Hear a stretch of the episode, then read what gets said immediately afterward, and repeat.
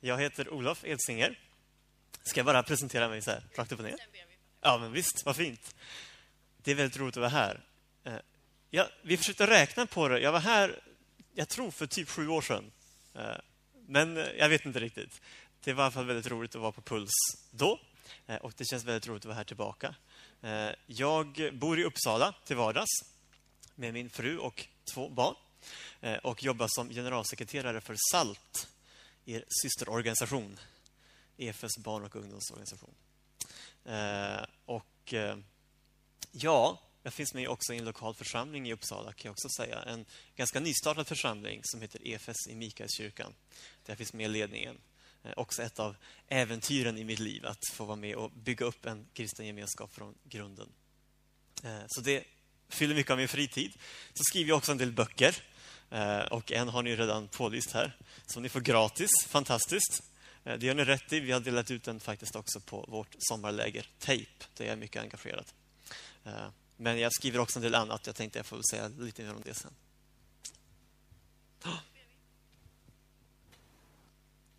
Gud, tack för att du har kallat Olof hit till Puls i sommar. Jag ber att du ska vara med honom nu när han ska tala för oss. Jag ber att det är dina ord han ska tala.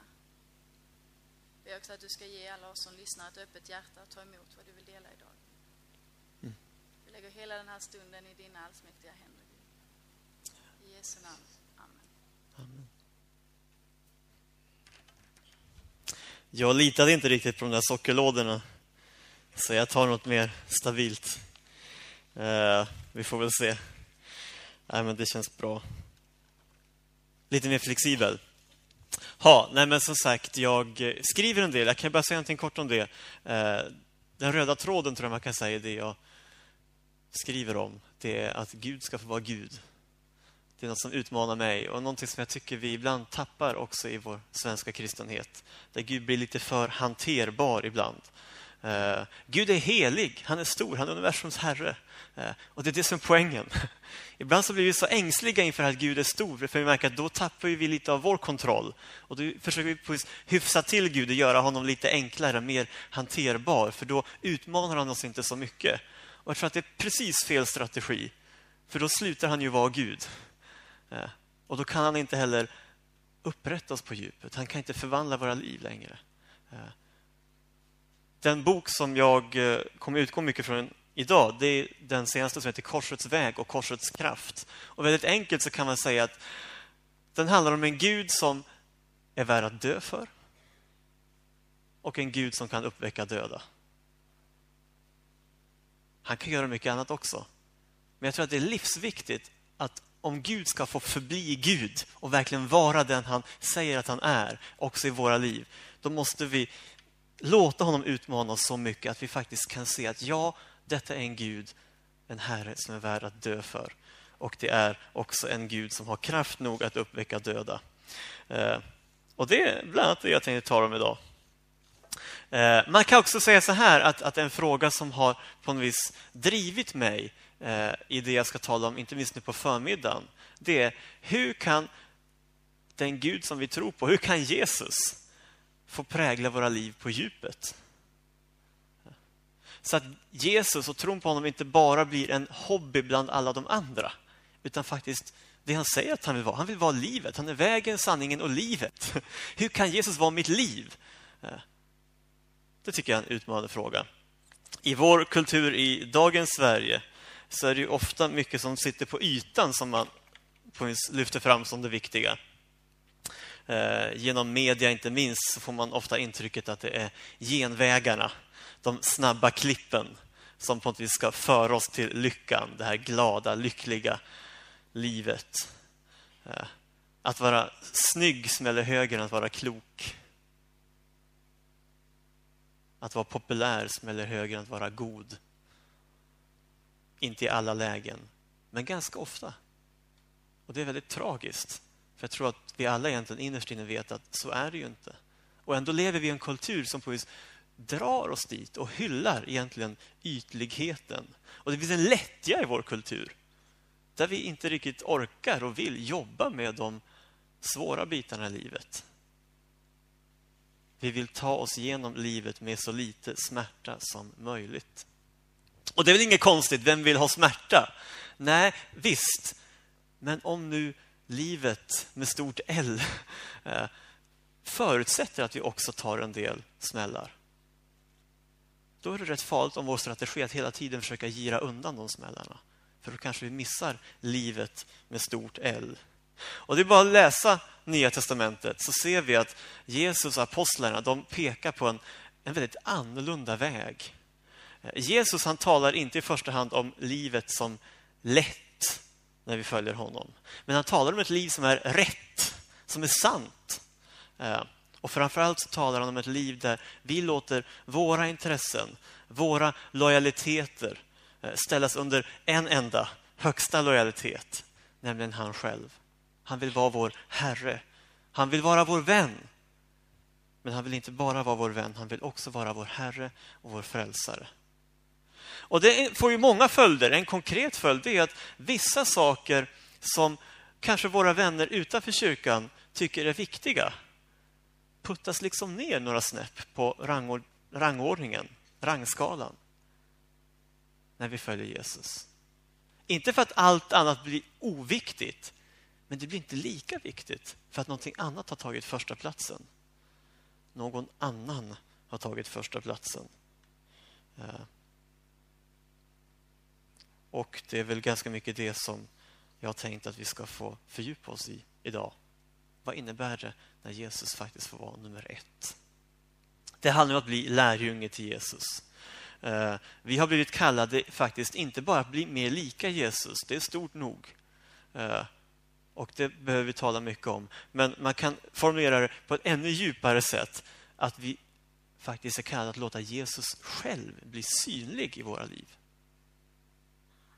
Om ni är med på skillnaden.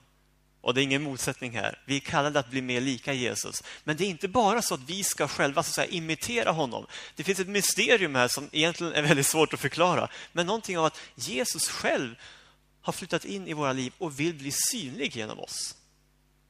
Det är faktiskt det Bibeln talar om. Paulus han uttrycker det så här. Nu lever inte längre jag, utan Kristus lever i mig. Om natur får ni se det på skärmen också. Ja. Härligt. Nu lever inte längre jag, utan Kristus lever i mig. Vad innebär det? Om vi tänker oss våra liv utifrån det här. Vem är Jesus?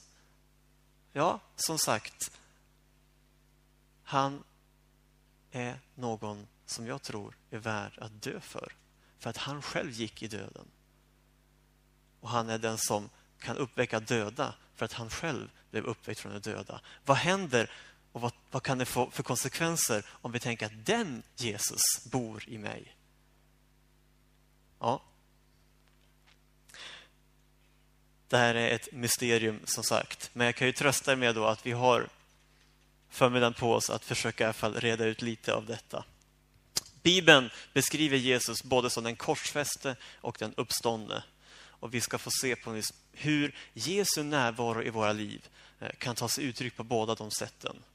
Både genom lidande och härlighet. Både genom motgång och medgång. Och på köpet så får man en annan poäng som ni kanske anar här.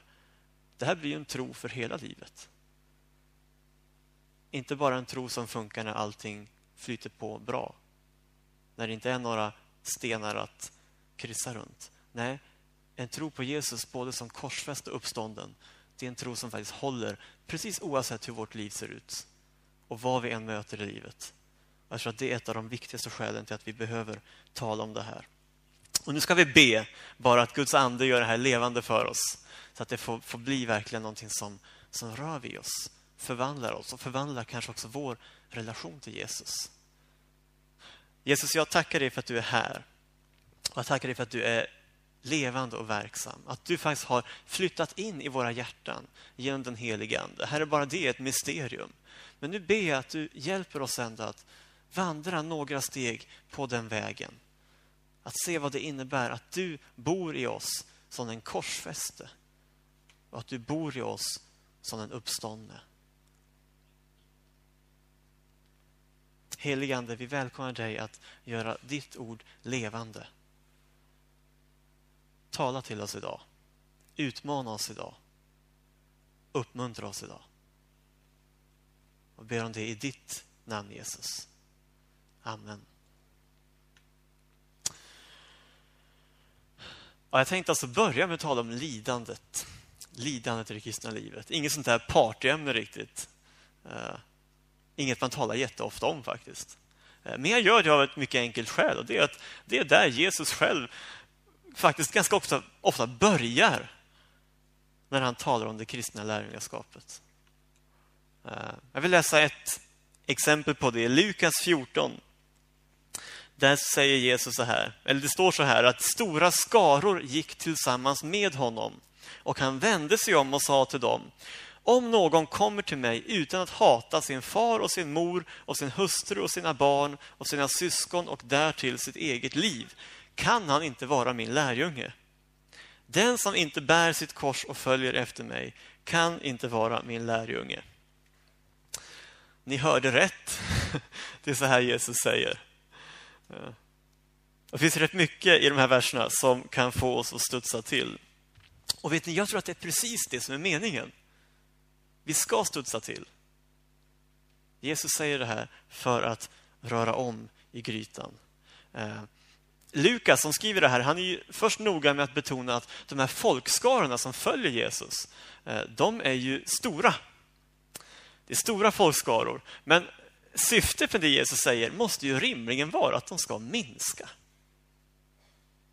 Och bara det ställer ju allting på huvudet i oss. Jag menar, Gud älskar ju alla och vill ju uppenbart att alla ska tro på honom. Och, ja, men så säger han såna här saker som faktiskt måste få rätt många av de här eh, tveksamma ute i hörnen att säga att nej, men vi, vi går nog någon annanstans. Och Man kan nog uttrycka det så här att Jesus han är inte så intresserad av de nyfikna. De är välkomna de med. Sympatisörerna. Ja, men det han egentligen vill ha det är ju faktiskt lärjungar. Han vill inte bara ha människor som tittar på och tycker jo men det där verkar vara en trevlig kille. När han vill ha människor som faktiskt faller på knä för honom och säger du är min herre och mästare. Jag vill att du ska få leda mig genom livet. Och han längtar efter det därför att han vet att han är värd det. Han är universums herre, kommen i en människas gestalt. Och om vi gör honom mindre än det så gör vi honom till någonting annat än han är. Därför måste han förvänta sig lärjungaskap. Att bara sympatisera med universums herre, det funkar liksom inte. Det är som att stå inför kungen i Sverige och tugga tuggummi och titta åt ett annat håll. Alltså, man gör inte så man ger sin fulla uppmärksamhet. Och detta lärjungaskap då som Jesus talar om, det handlar ju om mycket, men det handlar också om en obrottslig lojalitet faktiskt mot Jesus själv. Eh, han talar om att vi ska hata våra nära och kära. Och det är ju ehm, ett lite speciellt uttryck.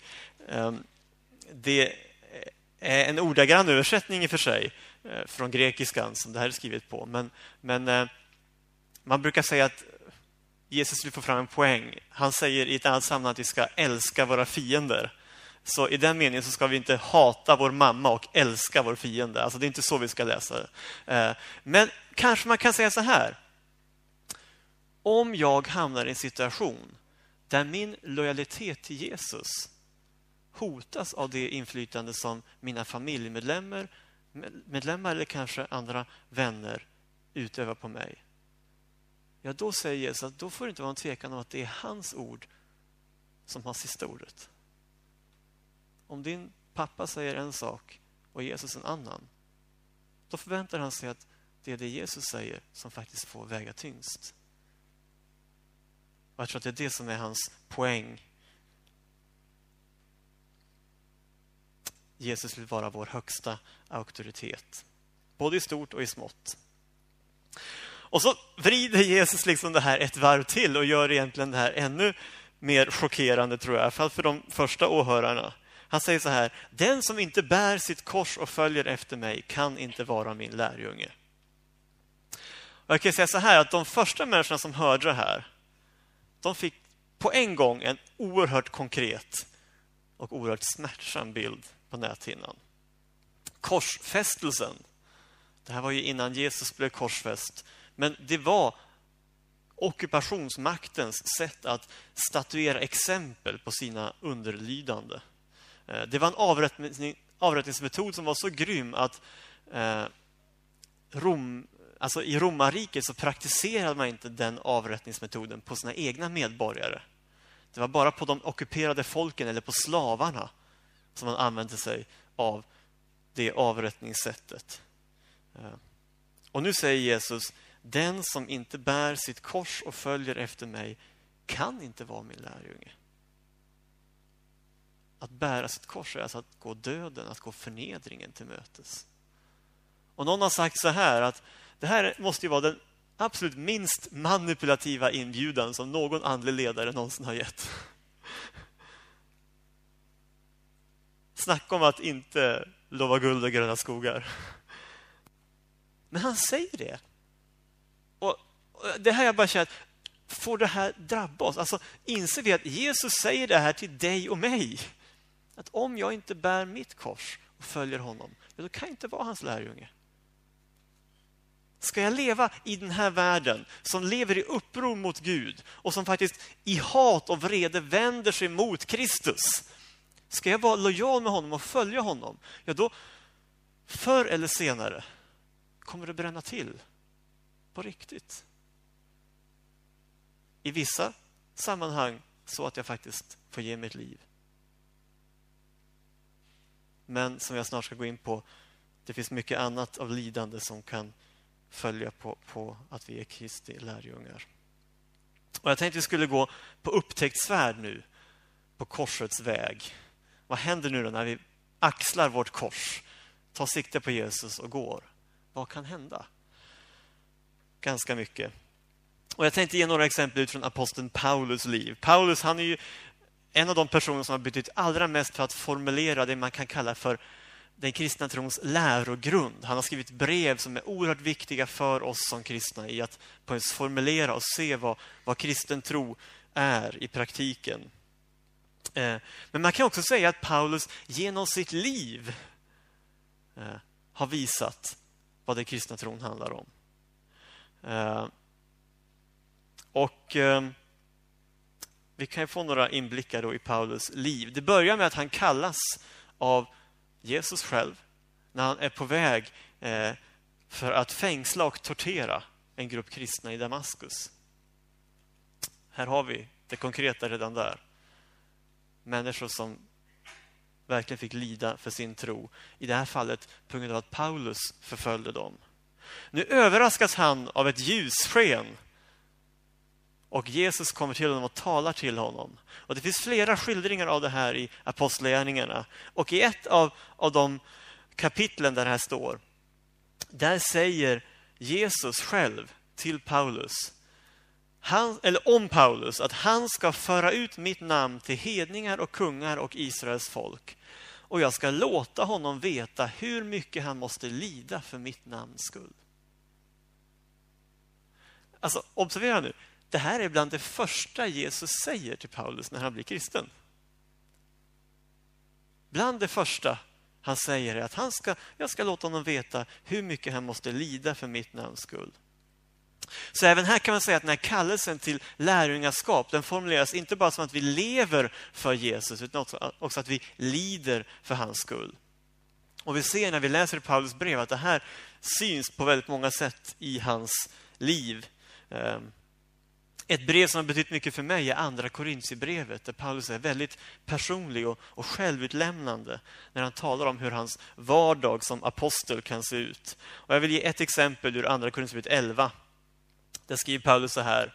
Jag har arbetat mer än de flesta, suttit i fängelse mer än de flesta, fått prygel i övermått och ofta riskerat livet. Av judarna har jag fem gånger fått 40 minus ett slag. Tre gånger har jag slitit spö, en gång har jag stenats. Tre gånger har jag lidit skeppsbrott. Ett helt dygn har jag drivit omkring på det öppna havet. Ofta har jag varit ute på resor, utsatt för faror i floder, faror från rövare, faror bland landsmän, bland hedningar, faror i städer, i öknar på, på havet, faror bland falska bröder. Jag har arbetat och slitit och ofta vakat. Jag har svultit och törstat och ofta fastat. Jag har frusit och varit utan kläder. Till allt detta kommer det som trycker mig varje dag, mina bekymmer för alla församlingarna.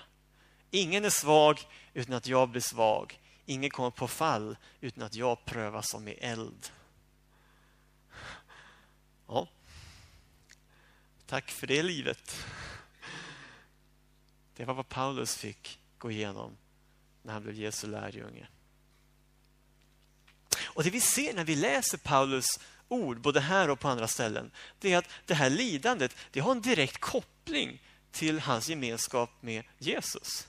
Det är alltså inte bara så att Paulus genom sin kallelse har råkat få det jobbigt.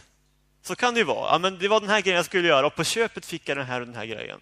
Så är det inte. Eh, svårigheterna i Paulus tjänst är inte bara en, en oväntad bieffekt, någonting som man lika gärna kan vara utan. Utan det är faktiskt en del av själva paketet. Inte så att Paulus glorifierar lidandet eh, och typ tycker att det här är enkelt eller härligt på det sättet. Men han är tydlig med att han har sett det att den här kampen, den hänger ihop med hans kristna tjänst. Om jag ska följa Jesus fullt ut, om jag ska göra det som Jesus har verkligen kallat mig till, säger han, ja, då är det här en del av det. Det är till och med så att det är när han ska argumentera för att han är en verklig apostel, att han verkligen är kallad av Gud, som han talar mest om sina lidanden. Det är som att lidanden för Paulus, det är, det är kvittot på att han verkligen gör det han ska. Kvittot på att han är sänd av Gud. Att han lever enligt den här kallelsen att bära sitt kors och följa efter Jesus. Och det är det här som gör att det här också landar i våra liv. Om det här inte bara är en olycklig bieffekt av Paulus kallelse utan en del av hans kallelse att följa Jesus ja, då kommer kopplingen till oss. Att det finns ett mönster av lidande i varje kristen människas liv. Och att det faktiskt är en av de tydligaste konsekvenserna av att vi har ställt våra liv till Guds förfogande. Martin Luther han satte ju lidandet som ett av kännetecknen på den sanna kyrkan. Han sa det att en kyrka som inte lider är inte värd namnet. Stämmer till viss eftertanke i vår del av världen. Paulus han skriver så här i Andra Timoteus 3 och 12. Så kommer var och en som vill leva gudfruktigt i Kristus Jesus att förföljas. Var och en som vill leva gudfruktigt i Kristus Jesus kommer att förföljas. Och klart, det här låter ju rätt märkligt. Eh, vi är väl rätt få i det här rummet som känner igen oss i den typ av erfarenheter som Paulus talar om eh, i Andra Korinthierbrevet. Eh, fängelsevistelser och spöstraff och skeppsbrott. Eh, det är inte så många av oss som har varit med om det. Men jag tror att Paulus egentligen, det han sätter upp på där, det är bara toppen av ett isberg. Eh, själva mönstret, korsets mönster, det går mycket djupare än de här mer extrema exemplen som Paulus ger. Till exempel så handlar ju lidandet för oss som kristna inte bara om det fysiska. Snarare kanske tvärtom. De flesta av oss ser det här mönstret i våra liv på helt andra sätt. Till exempel att uppleva sig ganska ensam i en miljö där människor inte delar min tro. Det är en typ av lidande som en direkt följd av att det tillhör Jesus. Missförstånd som vi möter för att våra prioriteringar, vår världsbild är så annorlunda jämfört med våra vänner eller arbetskamrater som inte delar tron. Och det blir såna här clasher för att ja, men, vi liksom rör oss på olika planeter ibland. Det är inte alltid så kul. Men det är en del av att jag tillhör en annan herre. Och det märks att jag tillhör en annan herre. Vi har förstås kampen med oss själva i våra egna liv. Kampen med det som Bibeln kallar för köttet synden i oss, viljan att klara oss på egen hand utan Gud. Det är en ständig kamp för mig som kristen att låta Gud vinna den kampen. Och Man kan säga att det finns ett, ett utanförskap, en skam, en förvirring som hör samman med att vara Jesu lärjunge. Ett lidande som är samma med att inte bli förstådd, inte accepterad, inte älskad. Det kan möta oss i, på arbetsplatsen eller i skolan, samhället i stort. Det kan faktiskt också möta oss ibland i den kristna församlingen. Jag tror inte minst de som går in i ledarskap och på det sättet står lite grann i frontlinjen för vad Gud gör har rätt mycket erfarenheter av att det kan smälla rätt hårt där. Och det är precis det som Paulus talar om. De här smällarna hör till paketet. De är inte roliga, men de är omöjliga att tänka bort. Eh, jag ska säga mer om det här, men jag vill bara säga så här att den här typen av reaktioner är precis som det ska. Och nu börjar jag förstå varför jag sa att det här kanske blir ett jobbigt ämne. Um, det här är ju inte det här vi säger halleluja till sådär jättespontant kanske. Jag vet inte. Uh, men jag vill säga att ett av skälen till att det här är ett sånt viktigt budskap det är också att det här är faktiskt en möjlighet att lära känna Jesus bättre. Vi säger ju kanske gärna att vi älskar Jesus och jag vill verkligen säga det av hela mitt hjärta att jag älskar honom. Men någonstans blir ju också då motfrågan från Herren själv. Ja, men älskar du mig sådan jag är? Och konkret nu då, älskar du bara min kraft? Eller älskar du mig också som den lidande tjänaren? Den lidande Herren? Jag sa att det skulle bli lite djupt ibland. Nu är det djupt. Kan du älska den korsfäste Kristus? Ja, det är vår kallelse som hans lärjungar. Om ni tillhörde världen skulle världen älska er som sina egna, säger Jesus i Johannes 15. Men nu tillhör ni inte världen, utan jag har kallat er ut ur världen och därför hatar världen er. Kom ihåg vad jag har sagt er, tjänaren är inte för mer än sin herre. Har de förföljt mig kommer de också att förfölja er. Har de bevarat mitt ord kommer de också att bevara ert. Jag tror att orsaken till att det är så här, det är det som jag var inne på här i början, nämligen att Jesus kallar oss att ha vår främsta lojalitet hos honom själv vår främsta lojalitet. Självklart får det vara också annat som får betyda mycket i våra liv. Men som han sa själv om det här med släktingar och vänner. Om han säger en sak och folket runt omkring oss en annan, då förväntar han sig att vi lyssnar mer på honom. Eh, och Det är just det här som sticker så mycket ögonen på världen runt omkring oss. Den värld som inte tror på honom. Eh, för den har ju andra lojaliteter. Den har andra gudar. I vårt land så talar man ju inte om gudar, för vi är ju så fint sekulariserade, ateistisk nation. Men det är klart det är gudar. De kanske inte heter Vishnu och Shiva och Allah eller så, men de heter ett och annat annat. Mammon till exempel. Mänsklig visdom självrättfärdighet. Sex. Ja, gudarna är många. Det är som med avgudar att de är ofta helt okej okay tjänare. Sex och pengar är väl utmärkta exempel. Guds goda gåvor. Men de är usla herrar. Och det är just därför Jesus faktiskt kallar oss att ha honom som vår högste herre. Vi har fått den här världen för att förvalta och ta hand om och vi får njuta av Guds skapelse. Men det Jesus säger att vi njuter bäst av Guds skapelse när han får vara högst. För det är han som har gett oss den. Och när vi försöker sätta någonting av det som han har skapat på hans plats, det är då vi ställer till det för oss. Och vad händer då när vi lever i en värld som har gjort det valet, som har faktiskt satt hans skapade saker högre än skaparen? Och så kommer vi med en annan lojalitet och säger, nej men jag står under Kristus. Det är klart att det provocerar, för det blir ett ifrågasättande av deras vägval, deras liv. Och det är väldigt tydligt i Sverige, tycker jag, att det är helt okej okay att vara kristen i de allra flesta sammanhang. Bara det inte får fel konsekvenser. Alltså, nu får jag säga att jag tror på Gud i det här landet. I de allra flesta sammanhang. Eh, men det är också tydligt att vi blir accepterade som kristna om och endast om vi inte har någon avvikande mening från det som just nu anses okej okay eller politiskt korrekt.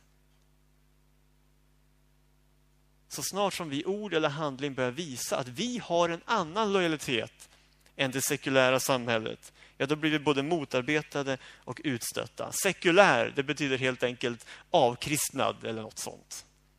Sverige är ett sekulärt land i den meningen. Vi har varit en kristen nation, vad nu exakt det innebär. Vi är sannerligen ingen kristen nation idag och det tror jag vi alla är medvetna om.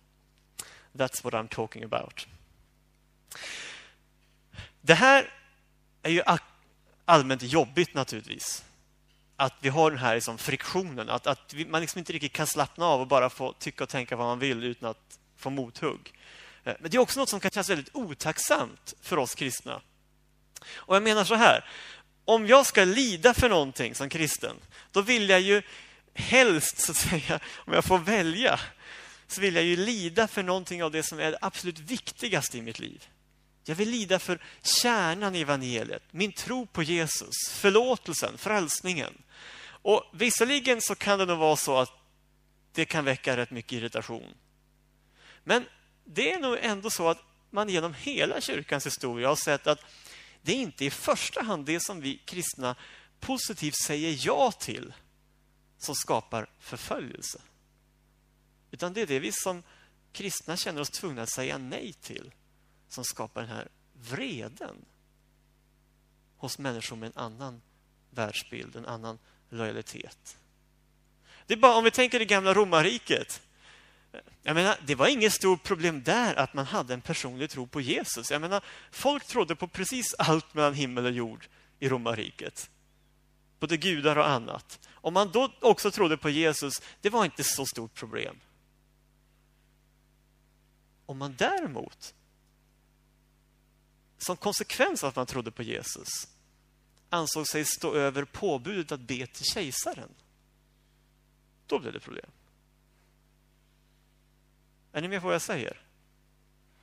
Alltså det var inte det att man positivt sa ja till Jesus som väckte fiendskapen runt omkring, utan det var att man sa nej till någonting som auktoriteterna i det samhället hade sagt att det här ska våra medborgare göra. Ni ska be till kejsaren. Och så sa de kristna, nej men vi ber inte till kejsaren, vi ber bara till Kristus. That's the problem.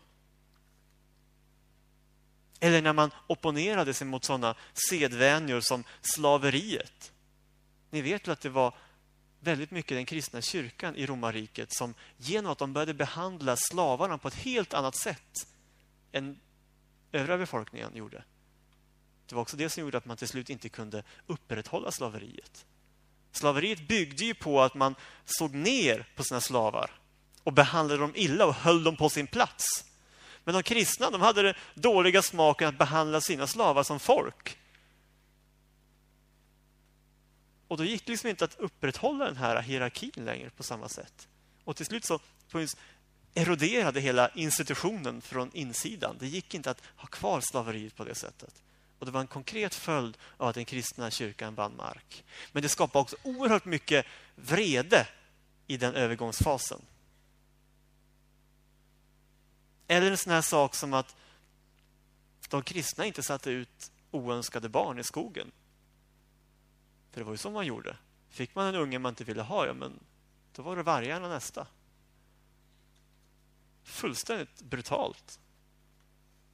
Men rätt många kristna blev avrättade för att de inte ville sätta ut barn i skogen. Man blev så arg när det ifrågasattes ett system som man byggde sitt samhälle på. Och alltså, när jag hör de här sakerna så slås jag ju samtidigt av att det här är oerhört aktuella saker också idag. Jag menar, det finns många exempel man kan ta. Jag brukar säga att vi lever i ett samhälle idag eh, där vi alla förväntas bekänna oss till sanningen att det inte finns någon sanning. Hänger ni med på den? Vi förväntas bekänna oss till sanningen att det inte finns någon sanning. Med andra ord, det är helt okej okay att var och en har sin egen sanning. Du får tycka i princip vad du vill. Bara du inte tycker just det här, att man inte får tycka vad du vill. Eller att, i alla fall inte att allt är lika sant.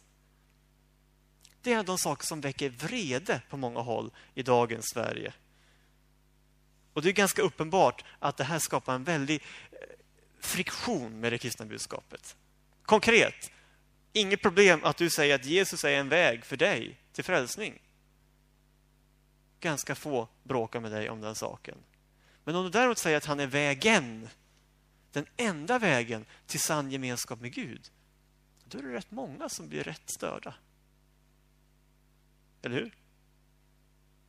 Det är alltså inte vad vi säger ja till, utan vad vi säger nej till som väcker vreden. Jag tänker på det här med barnen i skogen. Det utförs mer än 35 000 aborter varje år i Sverige. Det var inte så länge sedan, några månader sedan, som det blev en stor grej i media kring att eh, sjukvårdspersonalen tyckte att det var lite jobbigt när de hade tagit ut ett barn ur en mamma och det låg och rörde sig i handfatet. Jag förstår att de tyckte det var jobbigt. Det är fullständigt omänskligt att det inte skulle vara jobbigt. Men det var så svårt i Sverige att hantera att även det försökte man tysta ner från väldigt stora grupper. För att ingenting fick sägas som skulle hota den heliga abortlagstiftningen. Jag säger inte att abortfrågan är helt enkel. Eh, men visst är det märkligt med den här oerhörda vreden det väcker när vi ifrågasätter att det kanske inte är nödvändigt att det är 35 000 barn som dödas varje år på det sättet. Det kanske skulle räcka med några färre. Som sagt, i det gamla romarriket blev kristna avrättade för den typen av åsikter. Och Jag ska inte tråka ut er med, med de här jobbiga frågorna, men vi vet väl alla också att det finns en norm idag som är väldigt ifrågasatt och det är den här fina heteronormen. Den går mycket enkelt ut på att det finns någonting skapelsegivet och naturligt i att vi har både män och kvinnor i den här världen och att det finns en attraktion mellan dem och att det till och med kan vara så att när de förenas så blir det barn. Det gör att det är ett naturligt utgångsläge för Guds skapelse. Och sen finns det andra människor som upplever det på ett annat sätt och det är en mindre grupp.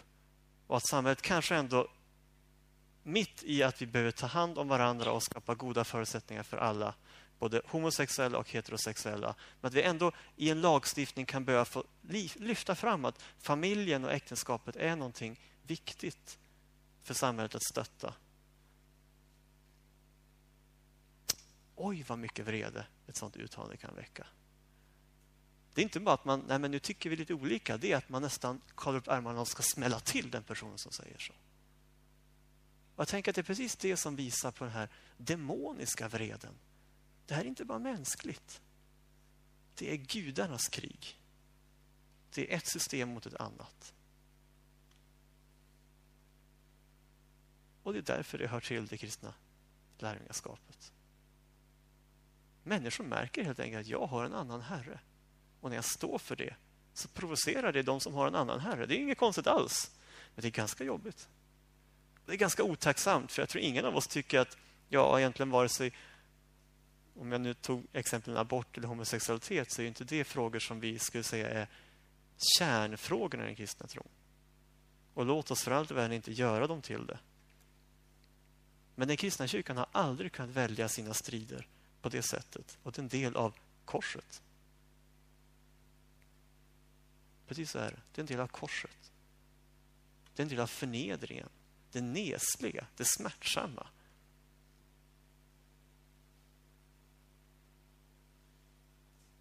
Så kommer var och en som vill leva gudfruktigt i Kristus Jesus att förföljas. Det betyder ju inte att vi ska söka förföljelsen. Eh, och vi ska inte vara dumma heller. Eh, I väldigt många lägen så kan vi undvika onödiga konfrontationer. Och Jesus själv han talar om att vi ska vara listiga som ormar och oskyldiga som duvor. Men ibland lämnar inte omständigheterna något val åt oss. Ibland måste vi tydliggöra vad vi som kristna faktiskt också säger nej till.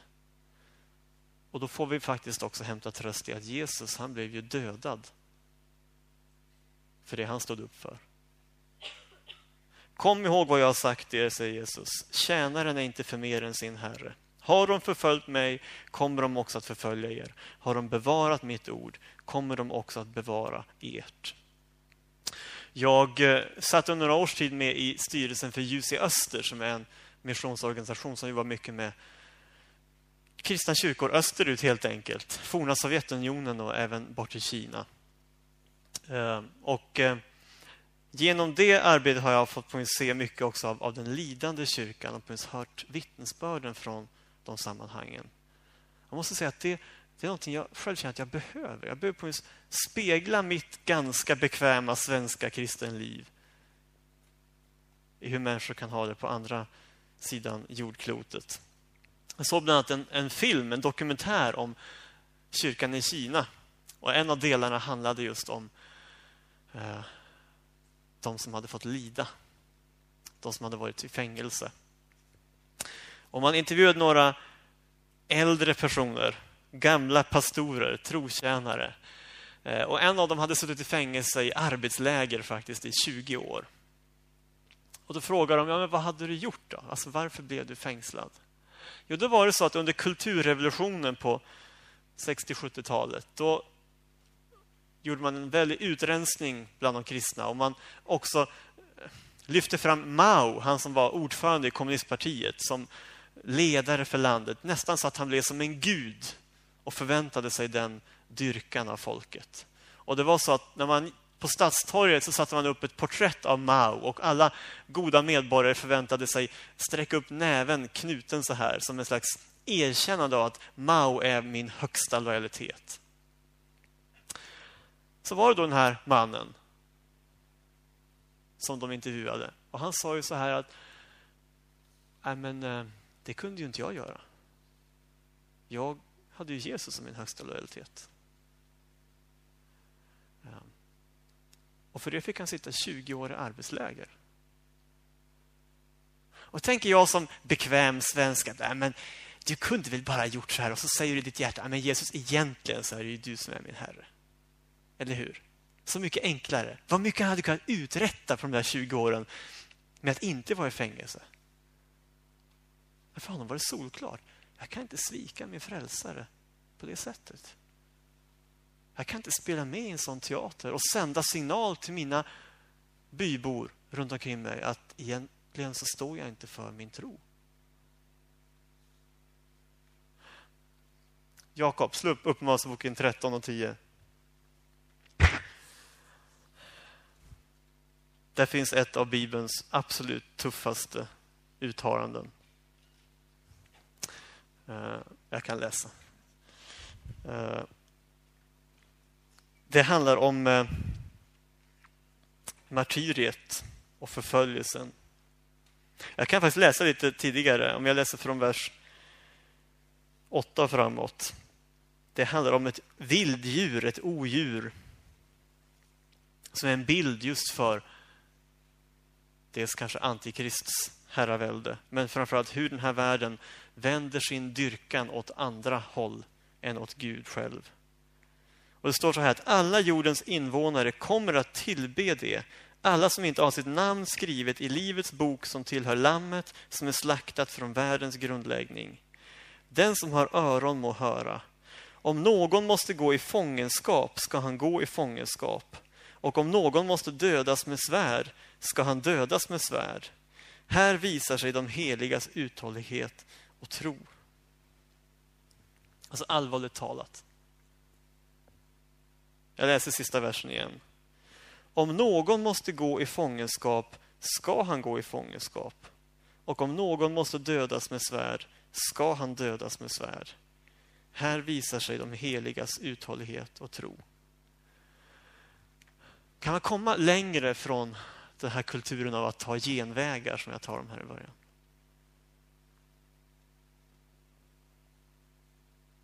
Det är Jesus som säger det här. Att om vi hamnar i ett system som, som förtrycker de kristna så mycket att det kostar dem livet att stå upp för honom. Eller bara en fängelsevistelse. Ja, då förväntar han sig faktiskt att vi hellre tar det än förnekar honom. Han säger ju det, här visar sig de heligas uthållighet och tro. Och jag hörde om, om en grupp pastorer i Kina som, som hade uttryckt det så här att det värsta för oss är ju inte att hamna i fängelse. Men det som verkligen skulle krossa våra hjärtan, det, det är om vi inte längre skulle höra Jesu röst.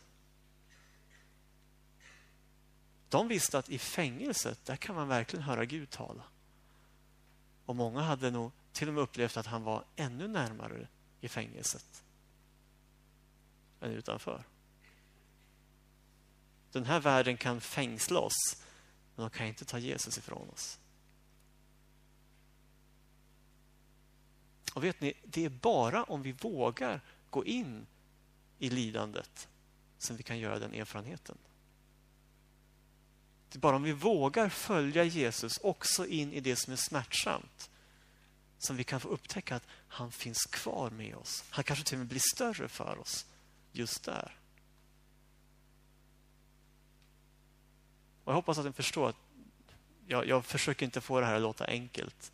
Eh, jag säger inte att det här är enkelt för mig, tvärtom. Jag talar lika mycket till mig själv. Men det finns ett budskap här som är så tydligt i Guds ord.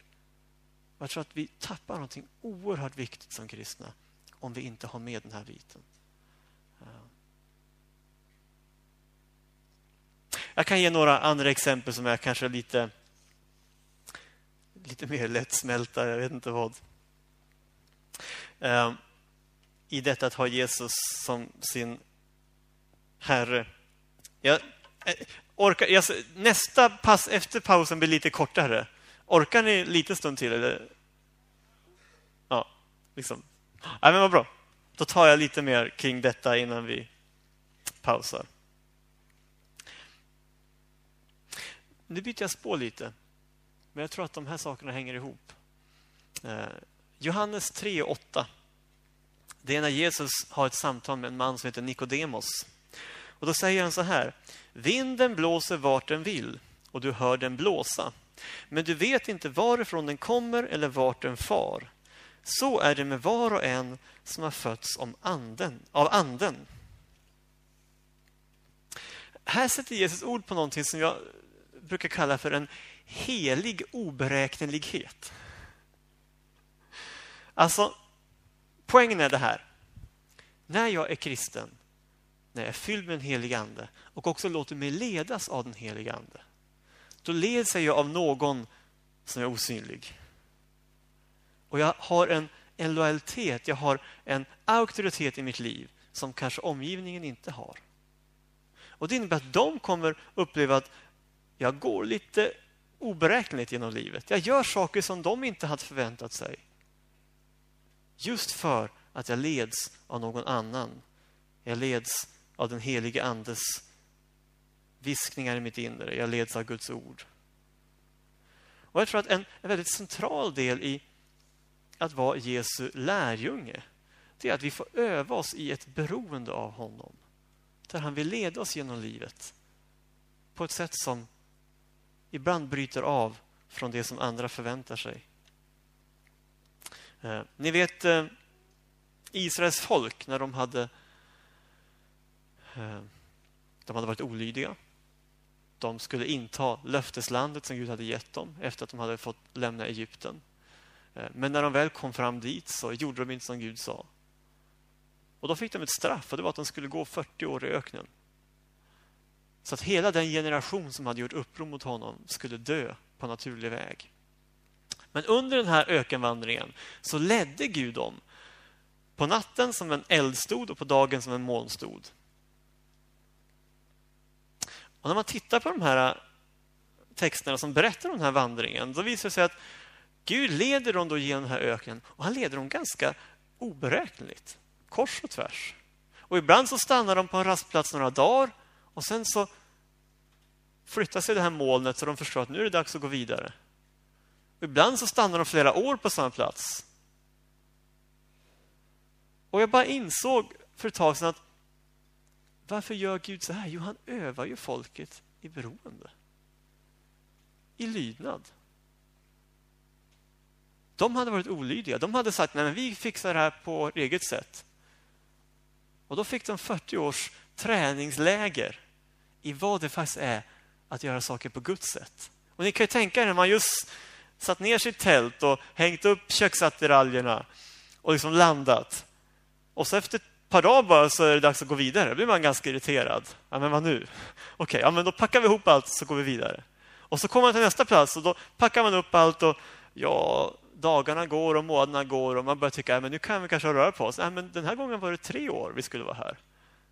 Och det är Gud som avgör när vi går vidare. Alltså Poängen här är att Gud ville lära sitt folk att vara beroende. Men det gör också att det fanns en oberäknelighet över det här folket. Man visste inte riktigt vart de gick och hur och när. Och ser man en karta på alla de här rastställena så ser man att det är inte riktigt konsekvent sträcka de, de rör sig på. Och jag tror att det här säger någonting om hur hela det kristna livet är tänkt att vara. Gud vill öva oss i att faktiskt ledas av honom. Och då blir det en oberäknelighet över våra liv. Vinden blåser vart den vill och du hör den blåsa. Du vet inte varifrån den kommer och vart den far. Så är det med var och en som fötts av anden. Och min poäng då? Jo, min poäng är att det här kan också vara en ganska smärtsam bit av det kristna livet. Något som väcker irritation, något som skapar den här bristen på förståelse. Vad sysslar de med nu? Vi förstår inte, vi hänger inte med. Eh, I, i eh, mitt liv så har det här blivit ganska tydligt sedan några år tillbaka i vissa bitar av det vi gör i, i SALT och även i församlingen som jag är med i. Ett exempel vi hade var, var för några år sedan när vi planerade för mötena på ett av våra läger, Tape-lägret som är utanför Örnsköldsvik. Eh, och vi hade just planerat sista kvällen eh, och eh, var klara med det och skulle titta lite kort bara på söndagens avslutningsgudstjänst och få till detaljerna kring det innan vi kunde gå vidare. Och så skulle vi bara be en enkel bön inför det. Och sen efter ett tag så tittar en av våra förebedjare upp och, och, och, bara säger så här. Alltså, jag bara upplever att Gud säger att vi ska flytta på mötena. Byta plats på dem. Och vi tänkte, jaha, här har vi just suttit och planerat färdigt för lördagskvällen och allt det här. Och så kommer hon och säger att vi gör rockad. Då gjorde vi så här, vi skickade ut två av våra själavårdare som, som eh, inte visste vad det här gällde, utan vi bara sa, kan inte ni ta en liten bönepromenad och se om ni får någon tanke? Ja, då kommer de tillbaka efter 20 minuter och den ena eh, har sett en bild av hur den helige Ande rör sig över tältet som strömmar av helande. Eh, och eh, den andra personen har sett en bild av, som på Liseberg, ett fritt fall. Eh, och vi, när vi bara hörde det där så, så tänkte jag så här, ja men temat som vi hade tänkt för den här kvällen, det var Jesu återkomst. Men temat för söndagen, sista gudstjänsten, det var just det här att vi är Guds barn och Guds söner och döttrar. Och vi tänkte någonstans när vi hörde de här bilderna som kom upp också att ja, men det här med att vi är Guds barn, det länkar bättre in i, i om Gud vill göra någonting som handlar om helande ikväll. Och så tar vi Jesu återkomst som sändning. Och samma sak med det här fritt fall, det tyder åtminstone på att här är någonting drastiskt som sker. Så vi gjorde faktiskt så att vi bytte plats på mötena. Eh, och det blev fantastiskt bra. Det blev så tydligt att någonting Gud hade påbörjat under läget, han fick liksom dra ihop säcken den kvällen. Just också för att vi bytte fokus i undervisningen. Eh, och det blev just ett, ett helande som fick ske. Eh, och så blev det en fantastisk sändning alltså, att få tala om Jesu återkomsten på söndagen. Och så här i efterhand så kanske inte det här låter så så märkvärdigt på ett sätt. Men för oss var det en ganska stor grej att man är så van att nej, men nu har vi bestämt det här, nu kör vi på det här spåret. Och man är inte så van vid att kunna helt göra om. Kanske någon som känner igen sig ändå i det. Eh, hur vi fungerar. Eh. Jag tror att, att precis så här kan det vara när Gud får vara med och leda i vardagen, i det konkreta. Eh, inte alltid, men ibland så blir det en oberäknelighet. Och den kan också i sin tur skapa viss frustration hos andra.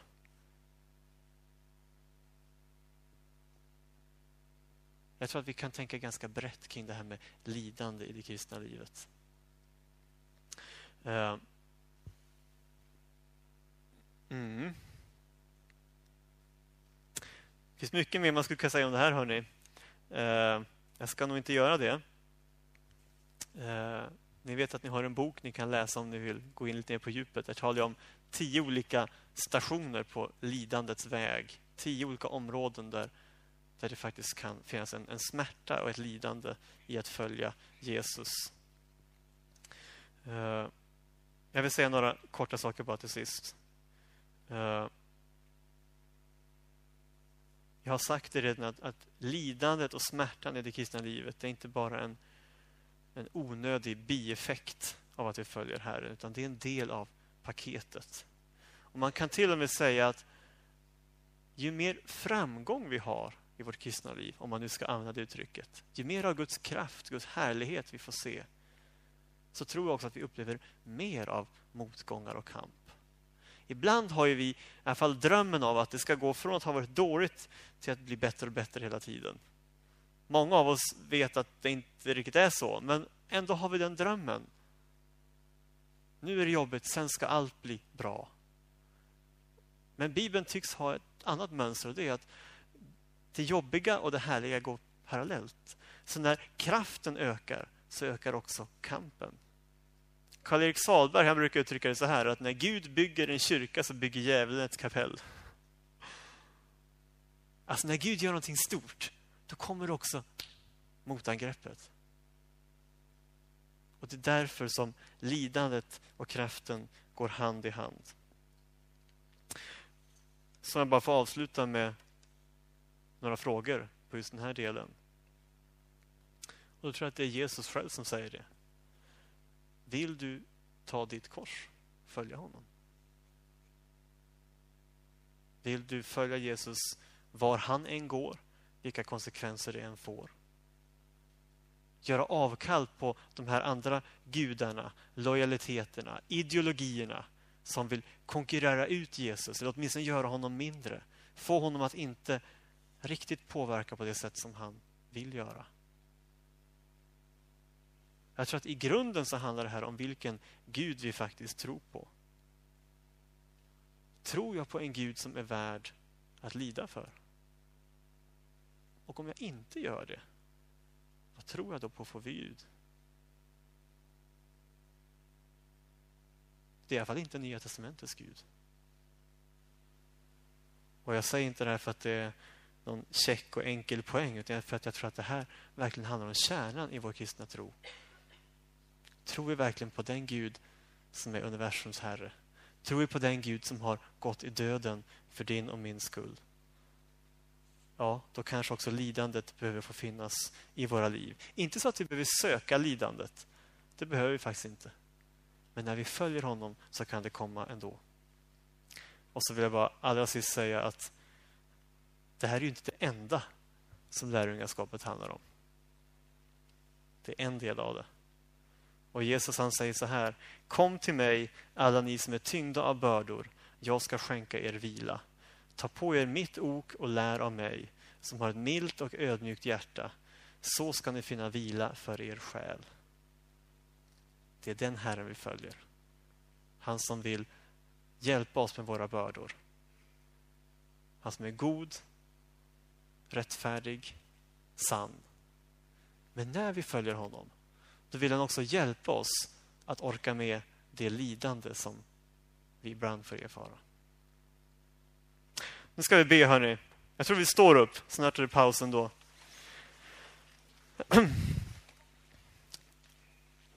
Och jag sa det till lägerledningen här att jag har inte tänkt be om ursäkt för att det här är tuffa ämnen. Eh, för jag tror som sagt att vi behöver det här. Men nu ber vi att det här ska landa på rätt sätt, för det här är också knepigt på många sätt. Jesus, jag tackar dig för att du är den du är. Och framförallt här att du har visat din kärlek till oss genom att gå i döden för vår skull. Och Herre, vi är tacksamma för att vår tro handlar om liv och död.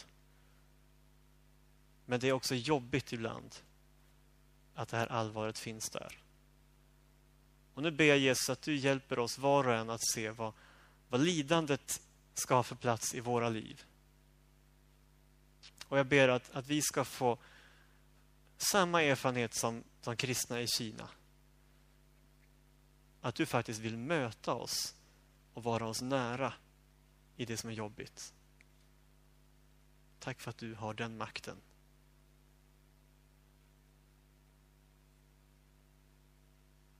Jag ber att det som vi behövde från den här undervisningen ska få landa. Och om det var någonting som faktiskt vi inte alls behövde så låt det sköljas bort. Och vi ber om det i ditt namn Jesus. Amen.